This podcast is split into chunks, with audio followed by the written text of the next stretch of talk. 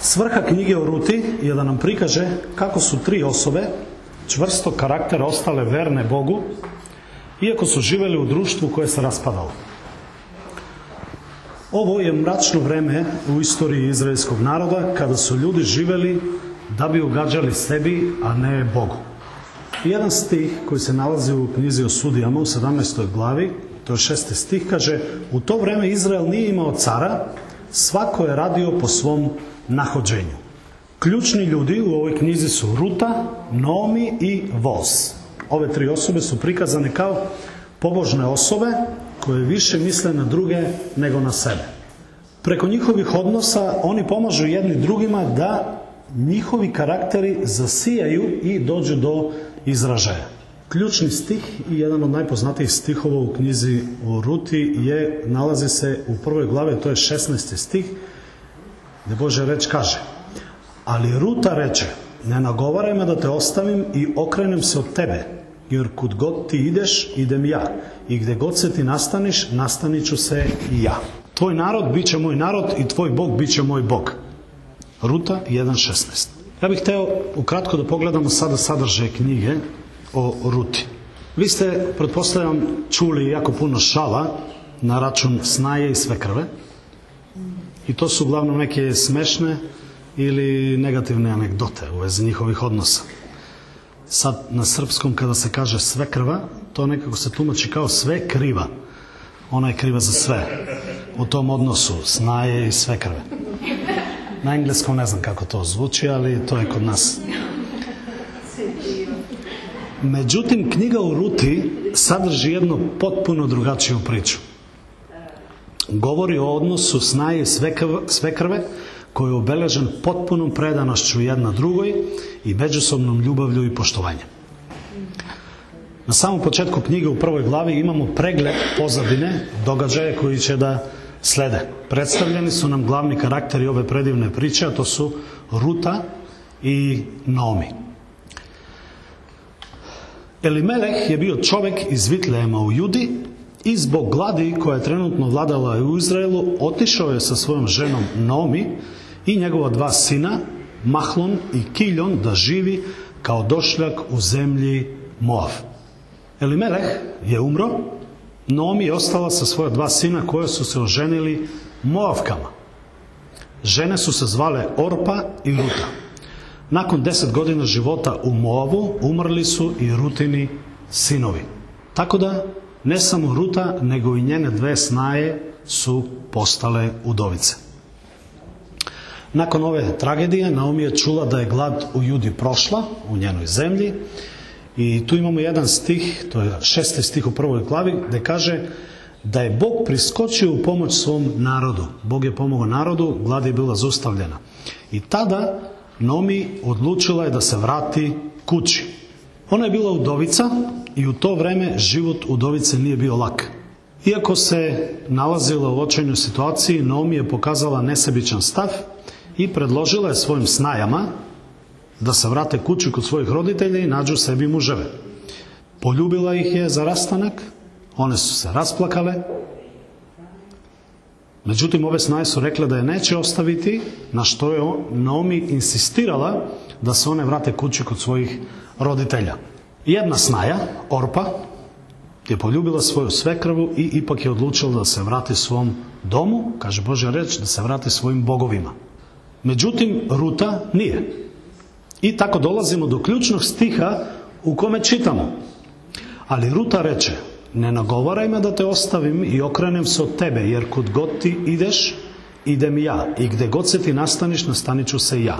Tvoj narod bit će moj narod i tvoj Bog bit će moj Bog. To je 16. stih u prvoj glavi, već smo ga spomenuli.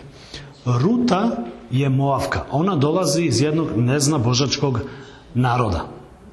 Međutim, ona sada odlučuje da sledi Boga Izraeljevog, da sledi Nominog Boga. Nomi je vidjela da je Ruta čvrsto odlučila da je ne napušta, pa je prestala da je odgovara. Tako su obe stigle u Vitlemu, odakle je Nomi sa svojom porodicom i došla u Moav pre više od deset godina. Međutim, sada se vratila kao udovica sa svojom snajom Rutom Moavkom. Naomi je bila tužna i očajna što je izgubila muža, izgubila je svoje sinove i u tom jednom stajnju očaja ona je promenila svoje ime u ime Mara, što znači čemerna, gorka ili tužna. U ovom trenutku počinje priča o Ruti, o njenom novom početku u Izraelu. Ruta, iako je bila Moavka, ona je slavila pravog Boga, Izraelovog Boga. Bog je prihvatio njeno slavljenje. Blagoslovio je njen život izobilno. I o tome govori cela ova knjiga koja ima četiri glave. Iako je Ruta pripadala Moacima, koji su bili jedni od najljučih neprijatelja izraelskog naroda, sa kojima je Izrael bio u čestim sukobima, Ruta je postala prabaka caru Davidu. Njeno ime se čak spominje i u Isusovom rodoslovu u Matejovom evanđelju u prvoj glavi, to je peti stih. Volio bih da, spomenemo jednu stvar ovdje i da, da, da vidimo da je Bog odlučio osim svog naroda da spasi i neznabošce. Kasnije u delima apostolskim, kada je Petar govorio i propovedao narodu, kaže u delima apostolskim, to je 10. glava 34. i 35. stih. Sada zaista uviđam da Bog ne gleda ko je ko, nego da mu je u svakom narodu prihvatljiv onaj koji ga se boji i čini ono što je pravedno. Bog je odlučio da spasi neznabošce. Ove dve žene su stigle u Vitlemu na početku žetve u stajnju siromaštva. Nisu ništa imale. I ovo je bio Boži plan za njihove živote. U ovom mestu je bio rođen car David i prorok Mihije je prorokovao da će ovdje biti rođeni Hristos. Mihej govori o tome u petoj glavi u drugom stihu. Vitlejem je jedno ključno biblijsko mesto. Ruta nije čekala da joj neko pomogne, ona je preuzela inicijativu. Pitala je svoju svekrvu, tražila je dozvolu od svoje svekrve da ide u polju da pabirči klasije koje je ispadalo žeteocima. Bog je dao zakon u Levitskoj knjizi, 19. i 23. glavi, i naložio je svom narodu da ne skuplja, dok žanju, da ne skupljaju žito koje im ispadne. Rekao im je da to ostavljaju za siromašne i za strance. I ovaj zakon na neki način je služio kao jedan, jednu vrstu socijalnog programa za one koji nemaju zemlju i na takav način Bog je htio da pokaže brigu i za siromašne ljude. Ruta u ovom trenutku je bila jedna od njih i ona je otišla da skuplja klasije i zrne koje je ispadalo žetiocima. Ruta je pokazala karakter za poštovanje. Zaista. Ona je bila vredna, ponizna, verna, lojalna i hrabra. I svi glavni likovi u ovoj knjizi su klasični primjeri dobrih ljudi u akciji, koji preduzimaju nešto. U ovom delu knjige, kada Ruta ide na polje da skuplja klasi, uključuje se i treći karakter ili treći lik, to je voz. On je bio rođak Naominog pokojnog muža. Ruta je pabirčila baš na njegovom polju. Kaže tamo jedan stih, kaže sreća je odvela tamo, na njegovom polju. Voz je došao da posjeti žetvare, pa je primetio mladu ženu na polju. Primetio je Rutu, raspitao se o njoj, a nadglednih žetalaca mu je objasnio da je to Ruta Moavka koja je došla sa svekrvom Nomi iz Moava. Nakon što je voz čuo šta je sve Ruta učinila za svoju svekrvu, pokazao je Ruti dodatnu naklonost. Voz je bio pobožan čovjek naložio svojim slugama da namerno ostavljaju poneki klas i poneko zrno za rutu, pozvao je rutu na ručak i blagoslovio je ovim predivnim rečima. Slušajte ovaj stih. Ruta, druga glava, 12. stih, B. Drugi deo stiha. Neka te bogato nagradi gospod pod čije krila si došla da se skloniš. Ovo je zaista jedan divan blagoslov. Ruta 2, 12, I Ruta je tako do kraja žetve skupljala žito kod voza, a živela je sa svojom svekrvom. Nakon nekog vremena, Naomi, njena svekrva, je predložila Ruti da se sretne sa vozom kako bi joj obezbedila dobar dom. Ruta je poslušala i učinila sve kako je Nomi predložila. Legla je kod vozovih nogu i nazvala ga je svojim rođakom otkupiteljem. Ovo je bio još jedan zakon koji je Bog naložio. Ja neću ulaziti u ovom delu sada, vi ćete da pročitate knjigu i već ste čitali i znate. A, najbliži rođak, kada neko umre u porodici, najbliži, najbliži rođak je trebao da otkupi njegovu zemlju i da brine o njegovoj porodici. Bog je sve predivno uredio kroz svoje zakone. U ovoj situaciji voz je video rutinu poniznost i rekao joj Učinit ću za tebe sve što tražiš, jer svi u našem gradu znaju da si vrsna žena. I sada voz preduzeo je prave pravne korake kako bi otkupio nominu zemlju i uzeo rutu za ženu. Voz je ispoštovao levetski zakon i postao rođak otkupitelj. Pročitajte ovaj deo, vidjet ćete kako je on to uradio sa jednim potpunim poštovanjem prema najbližem rođaku. On je otišao na gradsku kapiju, okupio starešine i pitao je njega da li želiš da otkupiš zemlju od tvog rođaka. Ali ako otkupiš zemlju, treba da uzmeš i ženu, rutu. I onda rođak je odustao i tako je voz pravno postao rođak otkupitelj. Teško je odvojiti ove karaktere i posmatrati ih kao pojedince u ovoj situaciji. Njihovi odnosi su duboko povezani i njihova dobrota dolazi do izražaja upravo u njihovim međusobnim odnosima. Ruta pokazuje dobrotu Nomi, Voz pokazuje Ruti i indirektno Nomi svojoj rođakinji. Više tema se prepliče kroz ovu knjigu, ali ja ću pročitati nekoliko tema da svi zajedno razmislimo i da vidimo kako je Bog delovao u životima ove ljudi, ovih ljudi. Jedna od tema jeste vernost. Rutina vernost Nomi, kao njena snaja i prijatelj, je veliki primjer ljubavi i lojalnosti. Ruta, Nomi i Voz su također verni Bogu i njegovim zakonima. Kroz ovu priču vidimo i Božju vernost prema njegovim ljudima. Oni su verni jedno prema drugome, na takav način su verni Bogu i Bog pokazuje svoju vernost prema njima. Rutin život je bio vođen vernošću prema Bogu, kao što je obećala Naomi i tako i pokazala, pokazala se kao lojalna osoba prema ljudima koje je poznavala. Da bi bili lojalni i puni ljubavi odnosima, mi moramo da imitiramo ili oponašamo Božju vernost u našim odnosima sa drugim ljudima. Oni su bili verni, Bog je bio, bio veran prema njima. Druga tema je dobrota. Ruta je pokazala veliku dobrotu prema Nomi. Za uzvrat voz je pokazao dobrotu Ruti, iako je bila siromašna udovica Moavka. Bog je pokazao svoju dobrotu Ruti, Nomi i vozu, tako što ih je sve spojio zajedno za svoju svrhu. Bog je imao plan.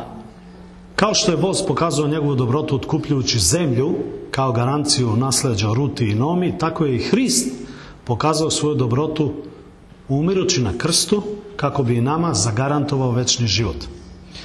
Božja dobrota treba da nas motiviše da ga još više volimo i poštujemo. Treća jedna tema o kojoj bi mogli mnogo da govorimo jeste integritet. Svojom lojalnošću Naomi, napuštajući svoju zemlju i običaje i njenim teškim radom u poljima, Рута ја показала висок морални карактер. Воз ја показал интегритет у негови морални стандардима, неговим поштењем и држачи своја обечања. И ми, каде искусимо Божју верност и доброту, наш одговор треба да биде показивање интегритета. Да оно што говоримо живимо и да оно што живимо говори ономе што ми веруваме. Kao što su vrednosti koje su Ruta i Voz živeli bili u oštrom kontrastu sa vrednostima kulture za vreme sudija, tako i naši životi treba da se izdvajaju od sveta oko nas. Mi treba da budemo ljudi od integriteta. Zaštita je druga tema. Vidimo Božju zaštitu i brigu nad životima Rute i Naomi. Njegova vrhovna kontrola nad okolnostima davala im je sigurnost. On vodi umove i aktivnosti ljudi kako bi ispunio svoju svrhu. Bez obzira koliko teška naša situacija može da bude, naša nada treba da bude u Bogu. Njegovi izvori su neograničeni. Vidjeli smo kako se pobrinuo za Rutu i za Naomi. On je našao način. Mi moramo da verujemo da On radi u životu svake osobe. Bog deluje u životu svake osobe bez obzira da li je to kralj ili došljak u tuđoj zemlji. I treba da verujemo njegovoj zaštiti. Bog je on naš zaštitnik. Prosperitet ili blagoslov je jedna druga tema. Ruta i Nomi su došle u Vitlejemu kao siromašne udovice, ali su ubrzo doživjele prosperitet kada se Ruta udala za voza. Šta je doprinelo da ovaj čovjek odluči da oženi ovu ženu Moavku? Njen karakter.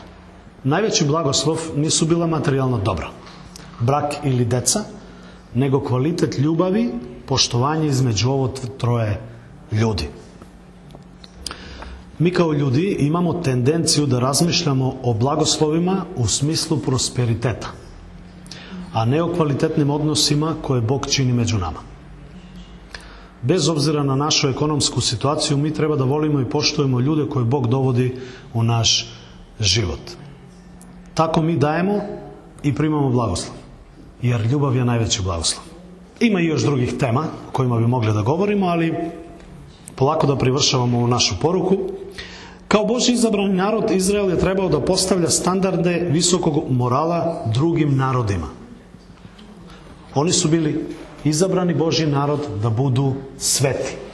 Ironično, Ruta, Moavka, je bila osoba koju je Bog koristio kao primjer pravog duhovnog karaktera. Ovo nam govori koliko je Izrael bio udaljen od Boga u tom periodu, u periodu za vreme vladavine sudija. Ruta je prolazila kroz težak period, ostala je kao siromašna udovica, ali nije dopustila da njena gorčina zaseni njenu budućnost.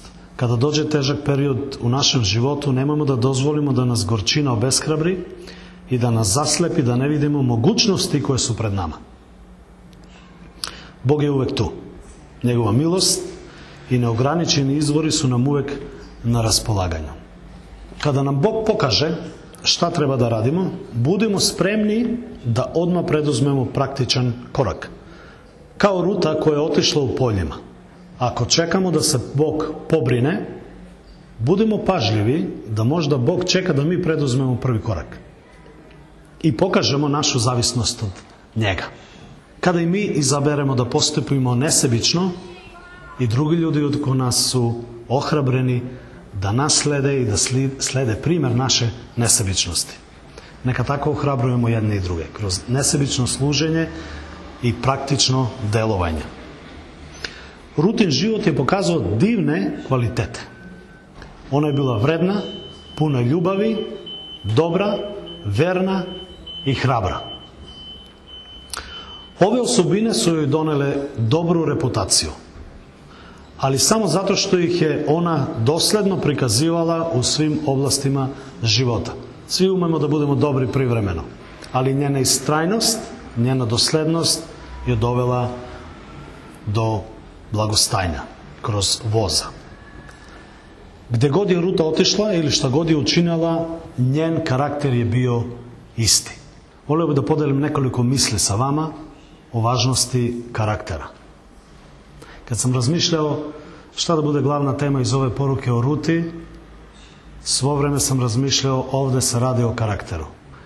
Karakter ја довео до овог стања, до овог благостања во рутином животу и на крају крајева наш карактер е најважнiji и Богу. Наш карактер е оно што ми чинимо када мислиме да нас нико не гледа. То смо ми. Лепота привлачи срце, али карактер привлачи душу.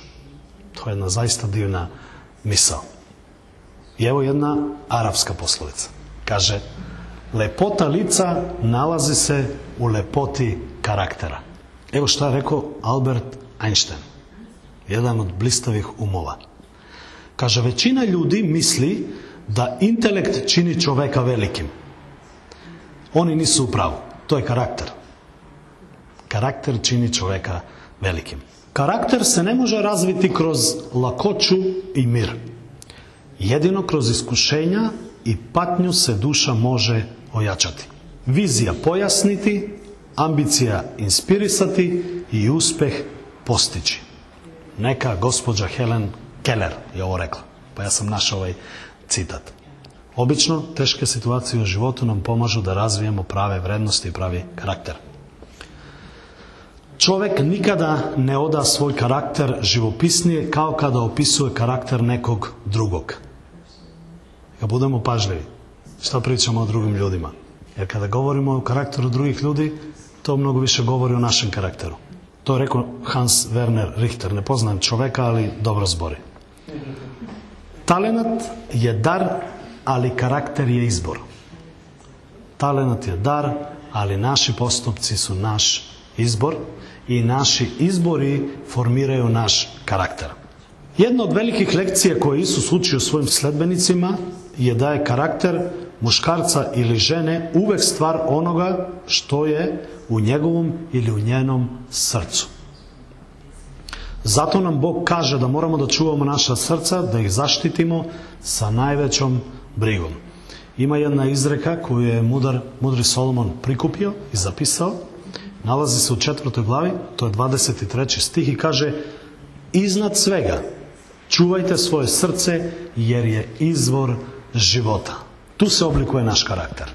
U srcu, pa kroz misli, kroz naše reči i kroz naša dela. Karakter je zbir etičkih i moralnih kvaliteta osobe. I to se pokazuje kroz izbore koje donosimo. Dakle, osoba dobrog karaktera je osoba koja deluje moralno i etički ispravno. Nesumnjivo svi smo mi mešavina i dobrog i lošeg.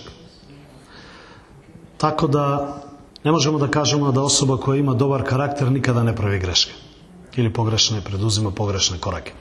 Umesto toga, osoba koja ima dobar karakter je neko ko se uvek trudi da uzme moralni put.